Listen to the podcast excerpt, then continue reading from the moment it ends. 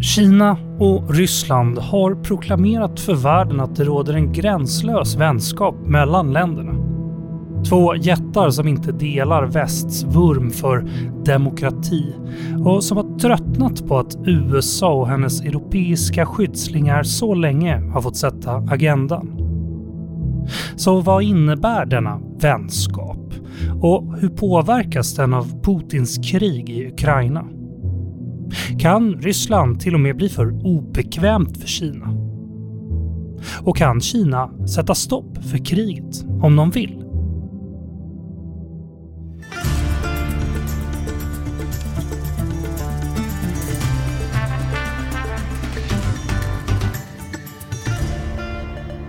Du lyssnar på Utrikespolitiska institutets podd Utblick och jag heter Jonas Lövenberg. I det här avsnittet ska vi försöka förstå relationen mellan Kina och Ryssland bättre och även hur denna relation kan påverka eller påverkas av kriget i Ukraina. Och för att hjälpa mig och er att förstå det här har jag med mig i studion Kristoffer Weidacher Schung, forskare vid Totalförsvarets forskningsinstitut FOI. Välkommen! Tack. Och Hugo von Essen, analytiker på UIs Centrum för Östeuropastudier även kallat SEVS med sin engelska akronym. Välkommen Hugo! Tack! Ja, vi ska som så ofta vi gör i Utblick börja med att säga något om bakgrunden till det vi ska prata om. Så, hur har Ryssland och Kinas relation sett ut rent historiskt? Kristoffer? Ja, eh, det är inte helt lätt att sammanfatta kort eh, givet den ganska långa historiska integrationen. Men, men om vi håller oss till i alla fall kalla kriget ja. Eh, så, så kan vi säga att den perioden var lite av en ganska galen berg och dalbana. Alltså först så ingick länderna eh, en formell allians kort efter att Folkrepubliken Kina grundades 1949. Och för Kinas del så innebar den här alliansen viktiga säkerhetsgarantier mot främst USA, eh, men även omfattande stöd då för att bygga upp den kinesiska ekonomin. Eh, sen mot slutet av 1950-talet så uppstod det sprickor i alliansen som så, som så småningom ledde till det som vi kallar för den rysk-kinesiska splittringen, som då eh, inleddes 1960 och pågick framåt. Ehm, och det här skedde väl mycket på grund av olika uppfattningar när det gäller kommunismen, eh, vilken politik som skulle föras mot, mot väst, men framförallt då eh, personliga motsättningar mellan Mao och Khrushchev som hade ersatt Stalin. Ehm, den här rysk-kinesiska splittringen innebar väl att Sovjet i stort sett avbröt allt stöd till eh, Kina. Och motsättningarna var så hårda så att Kina och Sovjetunionen utkämpade ett kort gränskrig 1969. Och efter den här konflikten så betraktade Kina och Sovjetunionen varandra som sina största säkerhetspolitiska hot. Oj, ja. Ja, och det skulle sedan dröja fram till 1980-talet innan de här två länderna förbättrade sina relationer igen. Um, Sovjetunionen brottades ju vid den här tiden med stora ekonomiska problem, ett kostsamt krig i Afghanistan, och samtidigt då som Kina och USA gemensamt hade börjat bekämpa Sovjetunionen efter Nixons berömda resa till Peking 1972. Så för sätt blev det här väldigt mycket och man försökte helt enkelt etablera lite mer vänskapliga band med Kina. Och i Kina eh, sam, eh, under samma tid då så gjordes bedömningen att Sovjet helt enkelt inte var samma hot längre som tidigare. Och dessutom så hade ju Mao ersatts av Deng Xiaoping eh, som prioriterade ekonomisk utveckling. Och då gällde det att upprätta en fredlig omgivning kring Kinas gränser, vilket inkluderade självklart Ryssland. Så effekten av det här blev att Kina och Sovjetunionen formellt normaliserade sina diplomatiska förbindelser 1989. Eh, Sovjetunionens fall 91 kom ju självklart som en chock för Kina. Men man eh, erkände snabbt Ryssland som en stat och sedan dess så har väl relationen i stort sett bara förbättrats och fördjupats till en punkt där vi står idag. Men okej, okay, jag måste bara fråga då utifrån det du sa att så en gång i tiden så var det Kina som var eh, eller förlåt, så var det Sovjetunionen, Ryssland som var liksom storebror i det här förhållandet. De som hade mest makt och kraft. Och det har väl förändrats nu då? Ja, precis. Under kalla kriget så, så, var det väldigt uppenbart att det var Sovjetunionen som mm. var det som man ibland kallar för storebror. Ja. eh, mycket mer militärt starkt och industriellt, industriellt mer framgångsrikt och så vidare. Eh, men det har ju då skett en stor förändring nu sedan kalla krigets slut fram till idag. Och det har ju väl vänt ganska mycket, det här maktförhållandet eh, mellan just Kina och Ryssland, där man på, på något sätt kan, kan väl påstå att, att Kina har gått in i denna rollen att, att, att, att, att vara mer storebror i, i relationen. Just det, och det är det vi ska prata om idag. Ju. Men det finns ju en till spelare här kan man säga. Kina Ryssland, men det finns ju även USA, den, andra, den, den tredje stora makten i världen. Alltså, vad har USA haft för roll för att hålla isär eller tvinga ihop Kina och Ryssland under åren, Hugo? Ja, historiskt har USA spelat en, en viktig roll för relationen mellan Kina och Ryssland. Eh, men precis som att USA idag bara har ganska begränsade möjligheter att påverka utvecklingen av den här relationen så styr, som styrs av många faktorer bortom amerikansk kontroll eh, så ska man nog inte överskatta USAs historiska påverkan på den här komplexa relationen. Eh, men eh, den påverkan finns eh, och har funnits och USA har både haft en, en splittrande och enande funktion för den här relationen vid olika tidpunkter. Eh, precis som Kristoffer eh, redan har pratat om, på 70-talet så utnyttjade den amerikanska presidenten Nixon den här splittringen mellan Sovjet och Kina för att förbättra relationerna med Beijing eh, på Moskvas bekostnad. Då. Eh, och utifrån utrikespolitiska idéer om så kallad triangulär diplomati som utvecklades av Kissinger så försökte man från amerikanskt håll utnyttja och spä på rivaliteten mellan Sovjet och Kina eh, som ett sätt att gynna amerikanska intressen och eh, USAs hegemoni. Men under de senaste decennierna då, efter den här normaliseringen som Kristoffer nämnde, Eh, så har USA då istället snarare haft en enande funktion som den stora dominanta makten som både Ryssland och Kina vill utmana och ersätta på den globala arenan. Eh, den, den, liberala regelbaserade världsordningen som skapats av USA och västvärlden eh, och som bygger bland annat på demokrati, mänskliga rättigheter och internationell rätt uppfattas av både Ryssland och Kina som missgynnsam för deras intressen. Den är byggd inte enligt deras regler eller utifrån deras förutsättningar utan den gynnar västvärlden och det är den här regelbaserade världsordningen, den här liberala eh, världsordningen som man måste bekämpa eh, och ersätta och där USA är den främsta eh, förkämpen för den här ordningen. Just det, symbolen för det nästan. Ja, precis. Vi måste bara hjälpa lyssnarna lite. Triangulär diplomati, säg något kort om vad det är för någonting. Ja, det handlade då om att eh, hur man skulle hantera från mm. amerikanskt håll de här två andra stormakterna, Sovjet och Kina. Eh, så att triangeln då är USA, Sovjet, Kina. Okay, ja. Och genom att så att säga öka splittringen i den ena sidan av triangeln, det vill säga mellan Sovjet och Kina, eh, så kunde man gynna USA. Så att USAs sida eh, ja, vann på det här. Ja, just det. Okej. Ja, då, då förstår vi bilden i huvudet tror jag. Ehm, så här då, det, det här är ju både Kina och Ryssland är ju auktoritära stater och det senaste decenniet har de väl blivit allt mer auktoritära. Men vad finns det för likheter och olikheter i hur de styrs? Kristoffer? Ja, jag tror säkert Hugo kan fylla på lite här senare vad det gäller Ryssland. Men, men det stämmer ju som du säger att både Kina och Ryssland är auktoritära stater som, som är väldigt toppstyrda med en ganska likartad repressiv, repressiv politik då mot den egna befolkningen. Mm. Samtidigt så finns det ju då vissa skillnader. Alltså, I litteraturen brukar man väl ofta omnämna Ryssland som en hybrid auktoritär regim. De inslag av demokratiska institutioner som förekomst av olika partier, återkommande val och, så vidare, som vill åtminstone pappret då skapa förutsättningar för ett demokratiskt statsskick i, i västerländsk mening. Kina å andra sidan eh, brukar oftast beskrivas som en, ett leninistiskt, som en, en leninistisk enpartistat med ett icke-västerländskt demokratiskt politiskt system eh, även i Kina finns det formellt andra politiska partier än kommunistpartiet och det finns ett parlament, alltså folkkongressen. Men det där är mest symbolik. Ehm, och så är det så att partiet tillåter eh, interna val. Det som oftast kallas för intrapartidemokrati. Men det här är inte val i egentlig mening utan en slags kompromiss eller maktkamper då mellan olika fraktioner och personer inom partiet. Men samtidigt så går det ju då att notera här som du gjorde en ökad likhet i bemärkelsen att länderna utmärks av ett väldigt starkt personalistiskt styre mm, kopplat till just Putin och Xi Jinping. Och vad jag kan tolka så verkar det som att Putin och Xi då i stor utsträckning har samlat väldigt mycket makt i sina, i sina egna händer. Eller åtminstone skapat en ganska lojal inre krets, eh, speciellt då för nyckelinstitutioner som säkerhetstjänst, militär, stat och för Xi Jinping då inom partiet. Ja, det enda jag skulle kunna tillägga är ju att eh, hålla med Kristoffer om att eh, Putin och Xi har ju blivit allt mer lika i hur man utövar makten. Eh, och även om Ryssland på pappret har inslag som man skulle kunna tolka som demokratiska så har Ryssland under lång tid blivit ett allt mer auktoritärt stat, en allt mer auktoritär stat. Eh, och på så sätt så kan man ju säga att de har blivit mer och mer lika i hur de ser på demokrati och hur de ser på hur makten eh, ska utövas och hur staten bör vara utformad.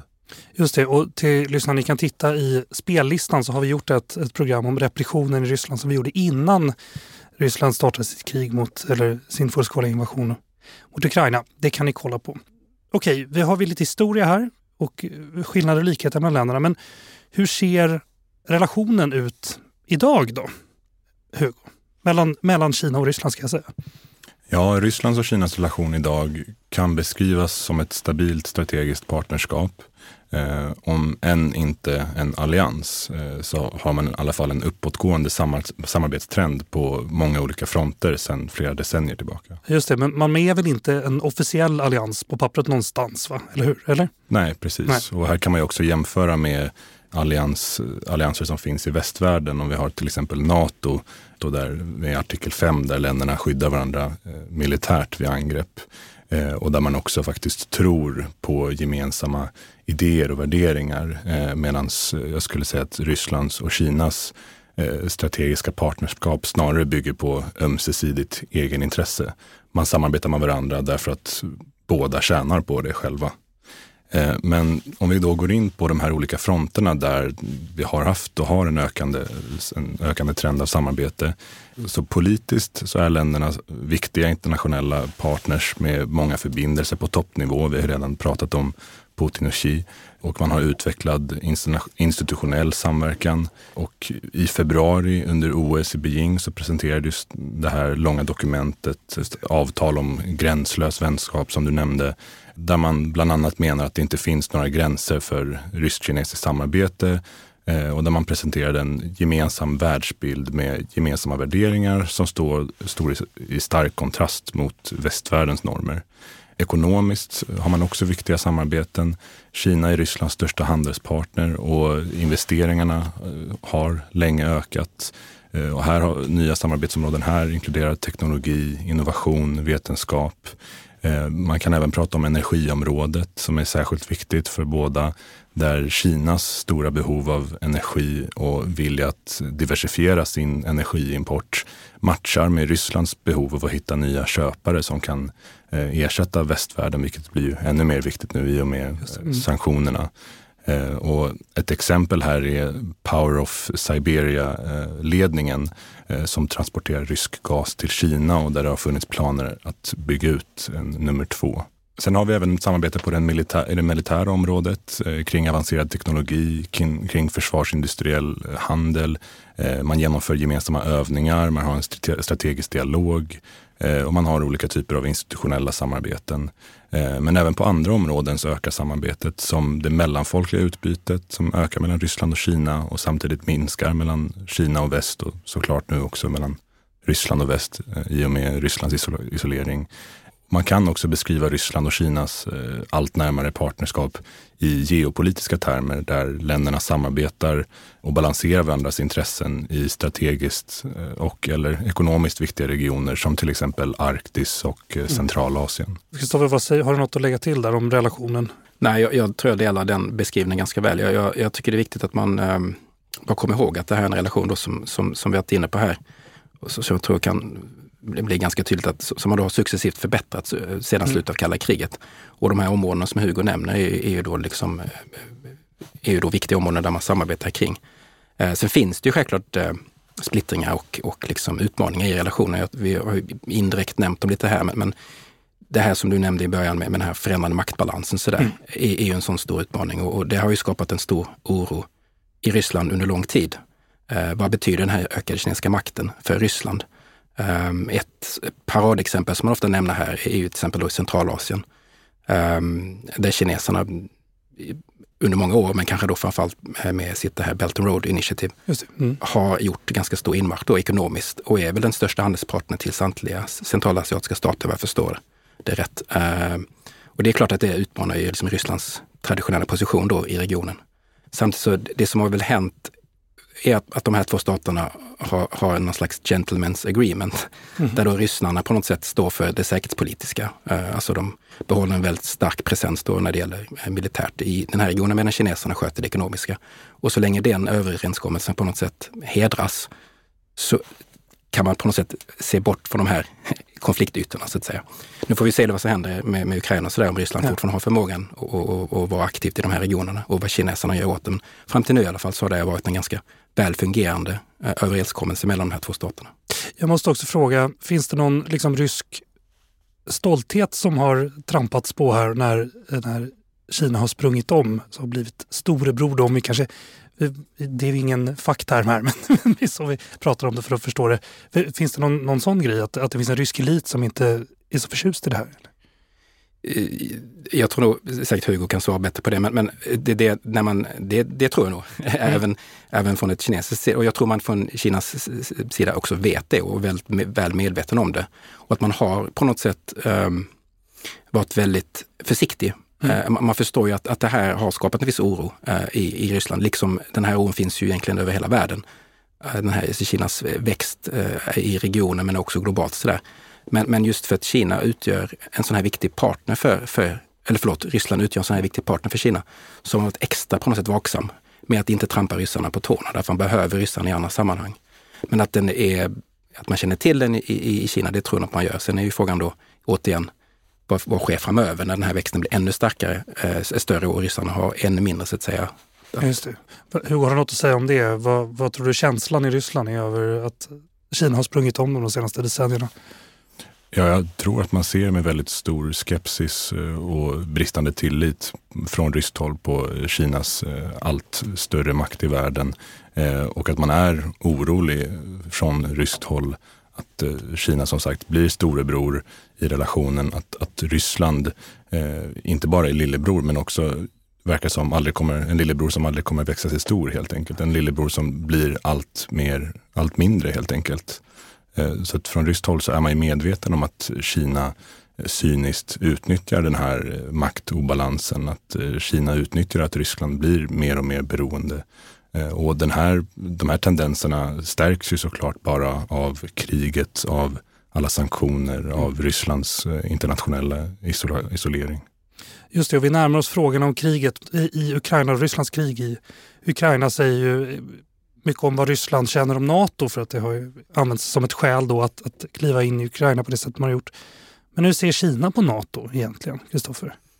Ja, alltså Nato beskrivs väl ofta av kineserna som ett slags utslag av blocktänkande eller en relik från, från kalla kriget. Mm. Och vad de egentligen menar med det är väl att, att då Nato primärt är ett verktyg för USA att bibehålla sin strategiska och militära dominans eh, efter Sovjetunionens fall.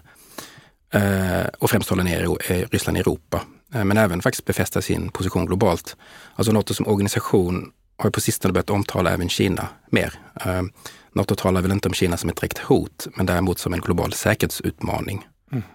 Um, och Kina tolkar det här som ett ytterligare tecken på den här tilltagande stormaktskonkurrensen mellan då Kina och USA. Och då så då nu försöker att liksom använda även Nato för att motverka Kinas, Kinas uppgång. Så när Kina talar att man stödjer Rysslands krav på att Nato inte ska expandera ytterligare så är det ju självklart i, med, i solidaritet med Ryssland. Men även då för att signalera mot USA att Nato inte ska beblanda, i, beblanda sig i Asien mera vad har Ryssland och Kina för mål med, med sin respektive utrikespolitik? Vad, Hugo, kan du säga något om, om Ryssland till att börja med kanske? Ja, Ryssland har ju ett antal mål med sin utrikespolitik och det allra viktigaste såklart är ju den egna regimens överlevnad. Eh, men de andra målen eh, inkluderar att trycka bort Nato från Central och Östeuropa, Eh, att behålla grannländer som Ukraina, Georgien och Moldavien svaga, instabila, autokratiska och därmed mer mottagliga för ryskt inflytande. Eh, att bygga upp en så kallad intressesfär som man kallar det med omkringliggande europeiska länder där Ryssland ensamt får härska. Att återskapa ett slags storryskt eh, imperium där forna tsarryska och sovjetiska territorier återigen hamnar under Rysslands herravälde att återskapa Rysslands status som global stormakt eh, som respekteras och lyssnas på, inte minst av USA. Eh, och att ersätta, det här vi nämnde förut, att ersätta den existerande liberala världsordningen som enligt Ryssland gynnar västvärlden med en, en ny multipolär, som man kallar det, ordning där Ryssland får vara med och bestämma och sätta spelreglerna. Vi säger Ryssland här, är det, skulle du kunna börja några av de där meningarna med Putin eller? Hur mycket stor del av, är han av, av deras utrikespolitiska mål? Ja, jag skulle säga att det är komplicerat. Att Putin mm. är såklart en viktig faktor för de här utrikespolitiska målen och jag tror att han personligen delar såklart eh, de här målen, inte minst av egenintresse därför att han nog vill bli ihågkommen i framtiden som den stora ryska ledaren som lyckades nå de här målen som kommer bli omskriven i historieböckerna. Den som återskapade det stora mäktiga Ryssland. Eh, men jag tror att det är viktigt också att se det som att de här idéerna om Ryssland, om omvärlden, om Rysslands rätt att härska i sitt närområde. De idéerna är långt mycket äldre än Putin. De är väldigt mycket mer utspridda i, i samhället idag än, än bara hos Putin. Eh, och tyvärr så tror jag att de kommer överleva Putin. Ja, vad, vad, säger vi om, om Kinas eh, utrikespolitiska ambitioner då, Kristoffer? Mm, det påminner lite grann faktiskt eh, med Ryssland här. Men, men alltså, eh, också för Kina eh, officiellt så, så är det på något sätt det grundläggande och primära målet då för Kina att liksom säkerställa politisk inhemsk kontroll och social stabilitet. Och vad det egentligen innebär är att, att kommunistpartiet då ska fortsätta styra över landet. Um, och utöver det så, så, ska man då skydda självklart landets suveränitet, Eh, och så ska man, genom att bygga ett starkt försvar och så ska man då främja också fortsatt ekonomisk utveckling. Men i praktiken så innebär det ju att Kina vill bli den domina, dominanta eh, aktören i Stilla havsregionen och försvara det då som Peking ser som sina kärnintressen, vilket ytterst är att återförena Taiwan då till, till fastlandet och även stå upp för sina territoriella krav i, i Sydkinesiska havet. Eh, Kina strävar också efter att bli en, en, en ledande handelsnation och en teknologisk stormakt för att skapa just förutsättningar för den här fortsatta ekonomiska moderniseringen. Och att även bli då en militär makt av, av högsta rang. Och till sist då som Ryssland så vill Kina också verka för en annan världsordning som är mindre dominerad av väst och där man då är med och formulerar regler och principer då för, för, eh, för när världsordningen ska, ska utformas. Och allt det här sammanfattas väl ganska bra då i Xi Jinpings slogan, alltså den här stora återfödelsen av den kinesiska nationen, vilket ska vara genomförd då till 2049, alltså 100 år efter Folkrepublikens grundande. Och i grunden så kan det här kallas för en slags kinesisk storstrategi då, där huvudmålet är att Kina ska bli en av världens ledande nationer som ska åtnjuta respekt och legitimitet i det internationella samfundet, men då under kommunistpartiets fasta och eh, orubbliga styre. vad, vad finns det för olikheter här då? Det känns som att, Kristoffer, när du nämnde Belt and Road Initiative här, tidigare att Ryssland fick stå för det säkerhetspolitiska och kinesiska, Kina fick stå för det ekonomiska eller för handeln där. Har, har Kina, använder Kina mer sin ekonomiska makt då i sin utrikespolitik och kanske Ryssland mer sin militära makt för att, för att uppnå de här målen? Kan ni säga någonting om det? Jag tror att en viktig skillnad man kan säga är att eh, Kina är mycket mer integrerad i världsekonomin, även innan ja, de här sanktionerna efter kriget i Ukraina. Eh, och Kina vill ju därför primärt ha stabilitet runt om i världen för sin egen handel, för sin egen ekonomiska utveckling. Medan Ryssland eh, snarare utnyttjar konflikt och, och, aggressivt och strategiskt använder instabilitet för att nå sina geopolitiska mål eh, som inte alls särskilt ofta handlar om ekonomi, likt Kina, utan snarare handlar om att eh, sabotera för motståndare, att minska USAs och västvärldens eh, inflytande och öka ryskt inflytande. Ja, vad säger du Kristoffer? Nej, jag håller med. Alltså, det, det, det, Kina är ju på något sätt ett land i, på uppgång medan Ryssland är på något sätt ett land i nedgång. Så, så Kina är också ett av de länderna som verkligen har eh, gynnats av att integreras i den globala ordningen. Eh, så att man har ett intresse av att, att reformera och inte på något sätt om, omkasta våldsamt. De här ledarna är ju fascinerande också för de här två stormakterna ändå. Eh, Xi Jinping och Putin. Va, vad har de för relation? Ja, de verkar ju ha en varm, nära relation, eller i alla fall den bilden som båda verkar jobba på att, på att skapa och framföra. Eh, och Xi har sagt att Putin är hans bästa vän och de två ledarna har ju träffats väldigt ofta, eh, väldigt många gånger under åren. Eh, men som autokrater så delar de ju den här antipatin mot den demokratiska världen, mot eh, den liberala världsordningen Eh, mot eh, västvärldens eh, förståelse av mänskliga rättigheter och friheter, rättsstaten, internationell rätt, jämlikhet, allt sånt där som är hot mot deras egen makt och deras egna politiska och ekonomiska system i sina respektive länder.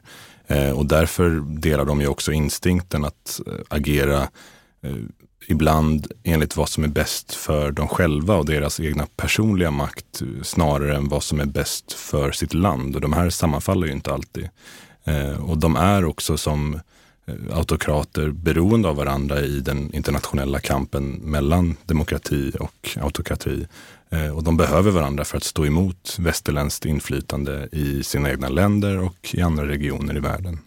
Det skulle vara bra att få några exempel på de här sakerna som de eh, stödjer varann i på den internationella scenen. Då. Ryssland stödjer väl Kinas kontroll över Taiwan till exempel och såna här saker. Va? Vilka, vilka grejer är det de, vad, vad är utbytet där i hur de stöttar varann? Kan vi säga något om det? Alltså det är ju de här kärnintressen då. Alltså mm.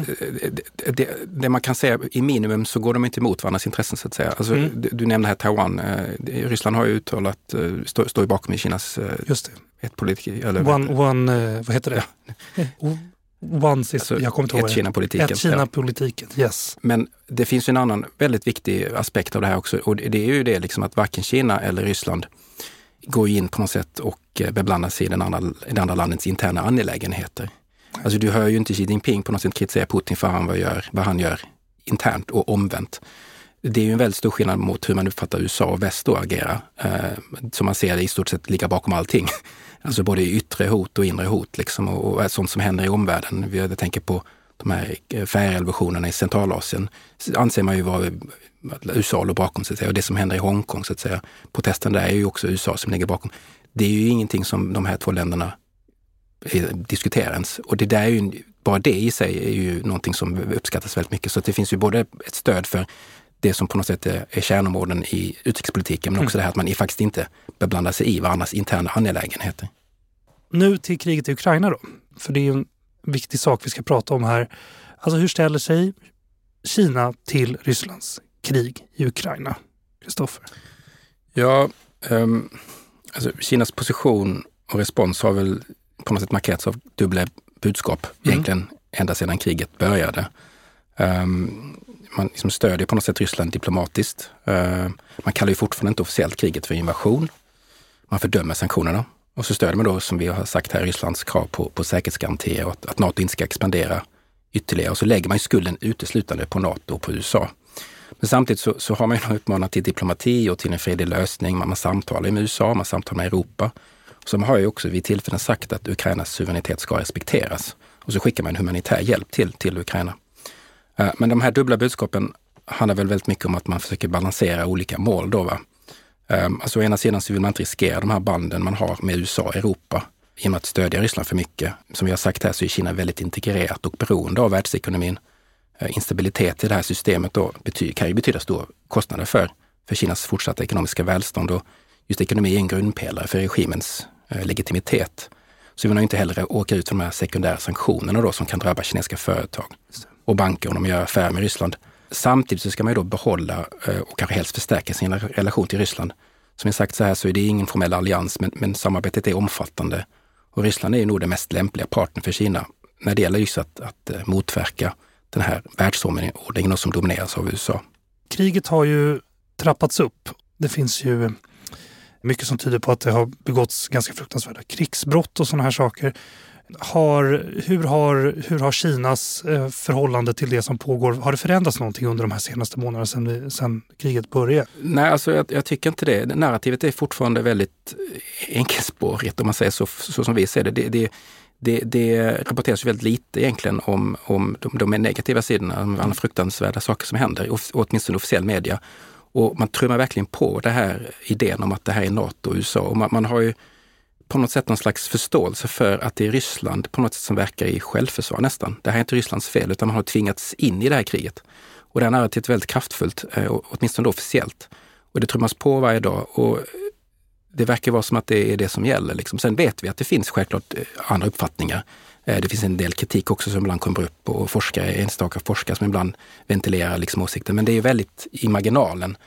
Den liksom allmänna uppfattningen tror jag nog är väldigt mycket, speglar mycket det, det ryska narrativet. Och, och sen i slutändan så handlar det också trots allt om vad partiet och Xi Jinping då tycker. Och där, där, kan man ju spekulera lite hur mycket han egentligen kan ta in och hur mycket information han får. Men, men det verkar ju som att, att eh, bilden av, av av ett USA då som har tvingat in Ryssland i kriget, den är väldigt stark och den, den, den verkar man faktiskt tro på det här är då den officiella diplomatiska linjen. Sen, sen måste man titta på vad som sker på marken så att säga. Alltså, mm.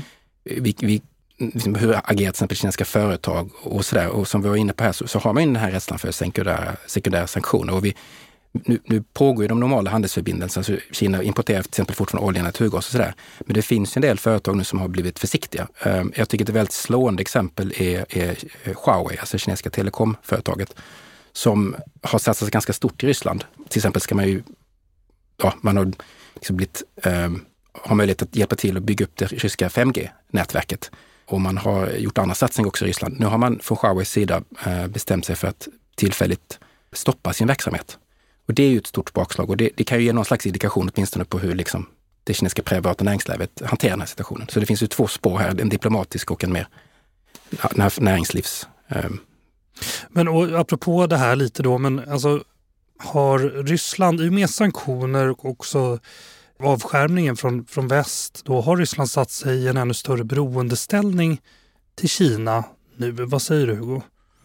Ja, jag tycker att det är svårt att se det på något annat sätt eh, med tanke på, som du sa, hur extremt isolerat Ryssland nu håller på att bli, har blivit på alla områden från västvärlden med de allt hårdare sanktionerna.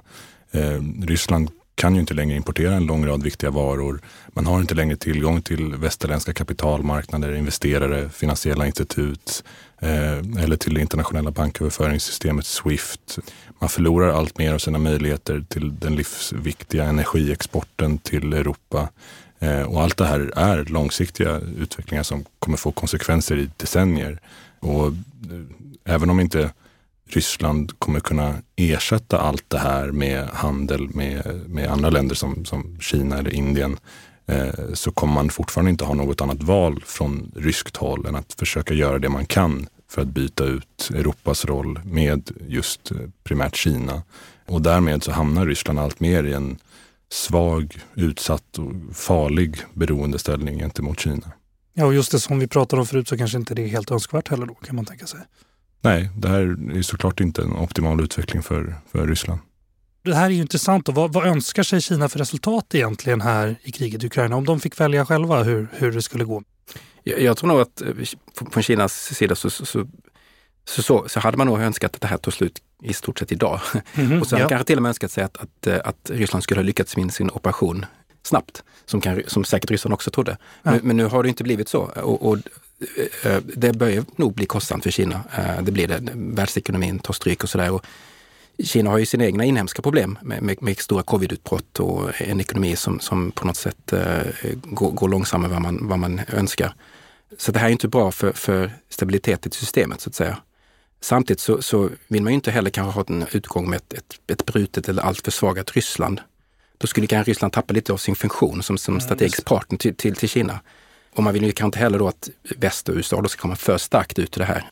Sånt här starkt, förstärkt väst skulle ju på något sätt, då, den här resolutheten som väst har visat, eh, kan ju då få en dämpande effekt även på Kinas eh, ambitioner i, i, sin egen region så att säga. Ja, men det har väl redan hänt? eller? Det har redan hänt, men det kan ju ja. bli ännu mer. Så det beror lite på hur kriget utvecklas. Men vad jag fiskar efter lite så här, finns det någon, någon okej okay, vi säger att Ryssland hade lyckats med sin operation på det sättet de trodde de skulle göra. Men Kina vill väl vara storebror här. Det, det, är väl, det måste ju gynna dem på något sätt, eller? Eller alltså, de måste ju tycka att det är bra om Ryssland blir mer beroende av dem, för då har de mer att säga till om. Alltså, kan det vara så? Det... Ja, det tror jag. Det är klart att det där är inte en, det är inte en dålig situation för Nej. kineserna och, och, och, liksom, och, och, och, hålla lite taktpinnen.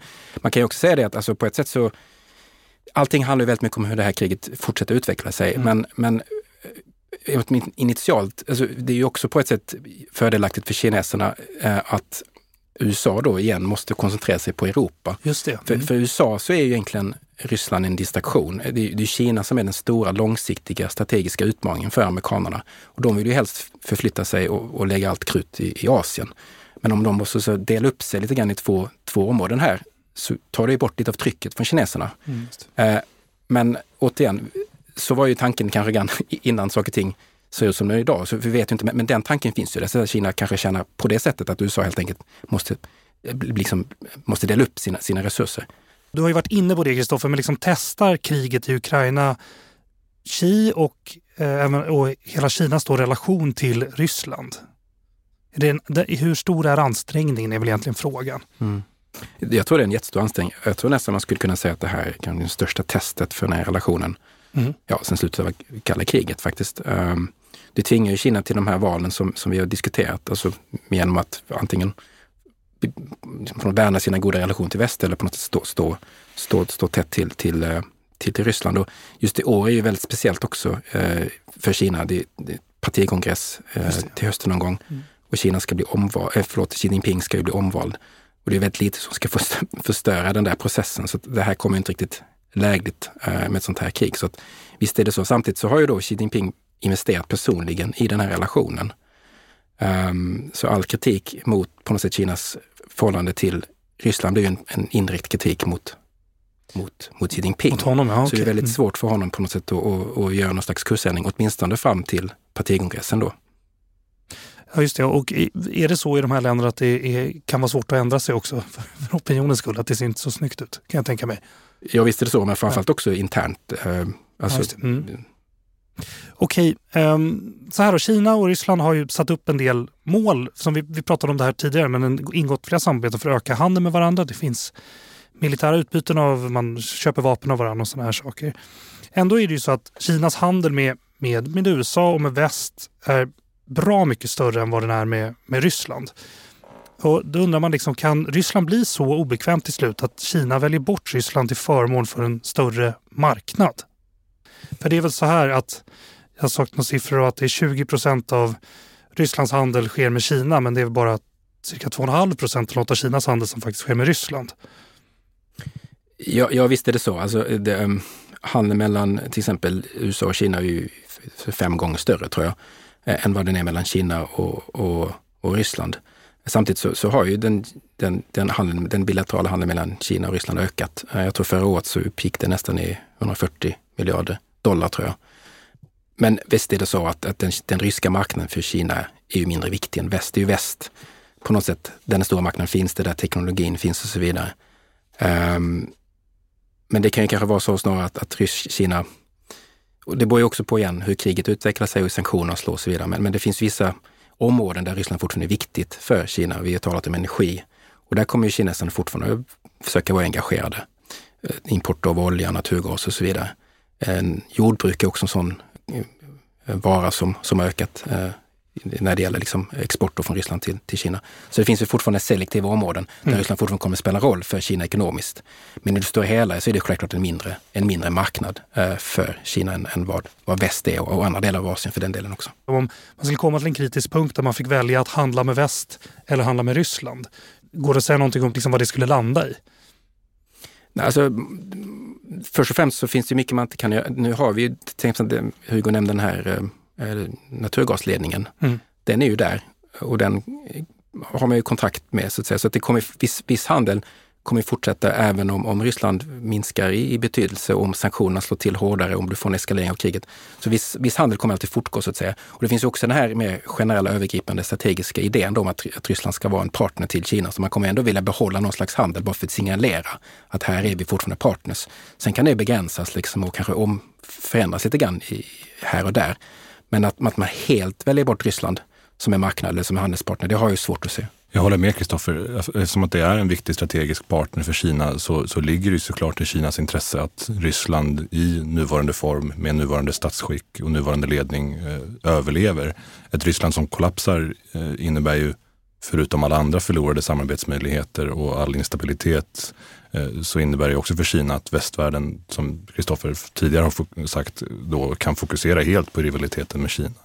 Eh, men man kan ju säga att Kina redan väljer bort, för svar på din fråga, redan väljer bort Ryssland till förmån för västvärlden i nuläget och kommer att fortsätta göra det därför att det är väldigt osannolikt att Kina skulle äventyra de här ekonomiska banden som Kristoffer nämnde med, med västvärlden genom att försöka hjälpa Ryssland och på något bryta mot sanktionerna så pass mycket att man drar på sig västvärldens vrede och, och sanktioner själv. Eh, men, men däremot kommer Kina antagligen fortsätta handla med Ryssland så mycket man kan under radarn för sanktionerna eh, utan att riskera för mycket. Och, och Kina har ju eh, erfarenhet av just det här, till exempel med handel med Nordkorea mm. Eh, trots sanktioner. Mm. Då ska vi försöka fundera lite på hur framtiden ser ut här och jag tänkte börja här. Alltså, vad skulle Kina kunna spela för roll för att få ett slut på kriget i Ukraina? Hugo? Jag tror inte att man ska överdriva Kinas potentiella roll för krigets utfall eller för att stoppa Ryssland eller få slut på kriget eller, eller hjälpa Ryssland vinna för den delen. Eh, Kina har inte den typen av inflytande över Ryssland att man skulle kunna påverka särskilt mycket av, av den ryska ledningens beslut och länderna har inte riktigt den typen av relation att de har signifikant direkt påverkan på varandras utrikespolitik så.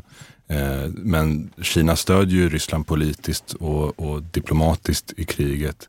Eh, men, men även om man från kinesiskt håll tog tydligt ställning mot Ryssland, vilket är väldigt osannolikt, men även om man gjorde det eh, så har jag svårt att se att det skulle påverka ryskt agerande. Mm.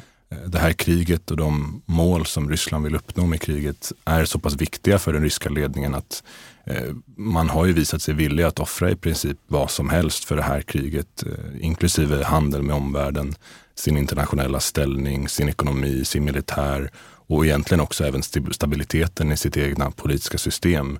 Så om inte det överhängande hotet om, om rysk ekonomisk och politisk kollaps kan stoppa det här kriget så kan antagligen inte kinesiskt, eh, kinesisk påverkan heller göra det. Kristoffer, vad, vad, vad, säger du om det här Hugo? Precis så. Nej, men jag håller med. Jag, jag tror inte heller man ska överdriva på något sätt möjligheten för Kina här att gå in och sätta för mycket press på, på Ryssland. Och du, du sa väl det också här Hugo, att, frågan är om Ryssland överhuvudtaget lyssnar. Om vi tittar framåt och ännu mer på just relationen mellan Kina och Ryssland. Hur kommer det här kriget påverka en framtida relation tror ni? Finns, går det att säga någonting om det, Kristoffer? Ja, man kan ju försöka i alla fall. Ja. Det, det, är självklart svårt. Det, det, det, återigen, jag tror vi har sagt ett par gånger här, men det, så mycket handlar om hur det här kriget på något sätt utvecklar sig. Ja. Men, men, men, eh, jag brukar ibland tänka att det liksom finns två, två, liksom, två grova möjligheter. Och det ena är ju då självklart att, att Kina distanserar sig från Ryssland. Mm. Lite grann på grund av de här anledningarna vi diskuterat, alltså kostnader och, och rel sämre relationer med väst och sådär. Um, och sen är det ju också som, som vi har sagt här att, att väst har ju visat sig väldigt enat här Eh, och resolut. Och, och liksom den här enigheten då ehm, för att motverka Rysslands aggression kan liksom få en dämpande effekt på, på Kina också. Eh, till exempel vad man då vill göra i förhållande till Taiwan. Och liksom, det här skulle också kunna leda faktiskt till någon slags nästan upptinning eller liten förbättring i alla fall mellan relationen eh, mellan Kina och, och, och väst. Då. Mindre konfliktytor och sådär. Men den andra utvecklingen är ju liksom på något sätt saker lite grann som de är. Eller kanske till och med att Kina förstärker sin relation till Ryssland. Um, för, liksom, för Kina så är det på något sätt, det är inte Ryssland som är huvudproblemet utan det är, det är USA. Det är ju där utmaningen finns och i Kinas ögon så, så vill, liksom, vill ju USA hålla nere Kinas växt och man vill ju få till ett regimskifte sådär. Och relationen till USA är ju redan körd i botten på många sätt. Så det är liksom svårt att få till en större omvärdering av den här relationen. Och Xi Jinping har liksom drivs av den här uppfattningen om att Kina befinner sig i någon slags oundviklig strategisk rivalitet med USA. Han har ju talat om att det här internationella systemet eh, genomgår, han kallar det för förändringar inte sedda på hundra år. Och vad han då menar med det är att, att liksom väst är på väg ner och öst och Kina då framförallt är på väg upp. Och att det då innebär möjligheter men även kon större konfliktytor och konfrontationer. Eh, och här hoppas ju då Kina på att, att liksom Ryssland står på samma sida och då kan, kan spela en roll för, för Kina. Hugo, vad säger du om det här? Vad, har du några scenarier för hur den här relationen skulle kunna påverkas av det som händer nu? Jag håller med mycket av det Kristoffer redan har sagt. Att, att uh, å ena sidan kan kriget tänkas uh, accelerera utvecklingen av, av, av ländernas relation i och med att Ryssland blir mer beroende av Kina, som vi redan pratat om. Uh, och i och med att Ryssland blir mer isolerat från västvärlden. Uh, å andra sidan så är ju Kinas handlingsutrymme begränsat av sanktionerna, av Rysslands internationella pariastatus. och Kina kan ju inte stödja Ryssland fullt ut militärt eller ekonomiskt, vill nog inte göra det heller. Man vågar inte bryta mot sanktionerna för mycket. Eh, man är från kinesiskt håll missnöjd på många sätt med krigets utveckling och krigets konsekvenser. Men, men jag tror, precis som Kristoffer betonade, så även om kriget får väldigt långsiktiga globala konsekvenser och påverkar olika relationer så, så, måste man nog se den långsiktiga utvecklingen, positiva utvecklingen av Rysslands och Kinas strategiska partnerskap som under många decennier har blivit allt starkare och som antagligen kommer att fortsätta efter det här kriget. Jag vet inte om vi diskuterat riktigt, men just liksom Kinas på något sätt omvärdering av Ryssland som militär makt Mm. Alltså det, det, mm. Kina har ju alltid liksom sett, Hugo var inne på det här med, med all vapenexport och så där, men Kina har ju liksom ofta sett upp väldigt mycket till Ryssland som en militärmakt. Man inspireras av doktrin och taktik och organisation och sånt. Ja, just det, men det går väl dåligt för dem? Det går ju väldigt dåligt för dem. Ja, så jätte... Frågan är då, liksom, vad, vad, är, vad är Kinas bild? Eller det här måste ju till någon slags ny analys då av, av vad faktiskt Ryssland är för typ av militär aktör och vad det här betyder för Kinas egna. För man har ju lärt sig väldigt mycket eh, och tagit inspiration då av Ryssland. Eh, så det är någonting som jag tror kineserna också just nu eh, håller på med väldigt mycket. Liksom. Okay, eh, vad... intern analys av, av Ryssland som militär aktör och vad betyder det här för Kinas då förmåga? Och från rysk sida så är det såklart problem eh, i och med att, att vapenexport och försvarsindustriell handel är ju en väldigt viktig del för, för, inte bara för Rysslands ekonomi, men även för Rysslands eh, Eh, relationer med omvärlden. Ryssland har en, en tradition och en strategi där man eh, säljer vapen till länd, olika länder runt om i världen, inte minst i Afrika till exempel.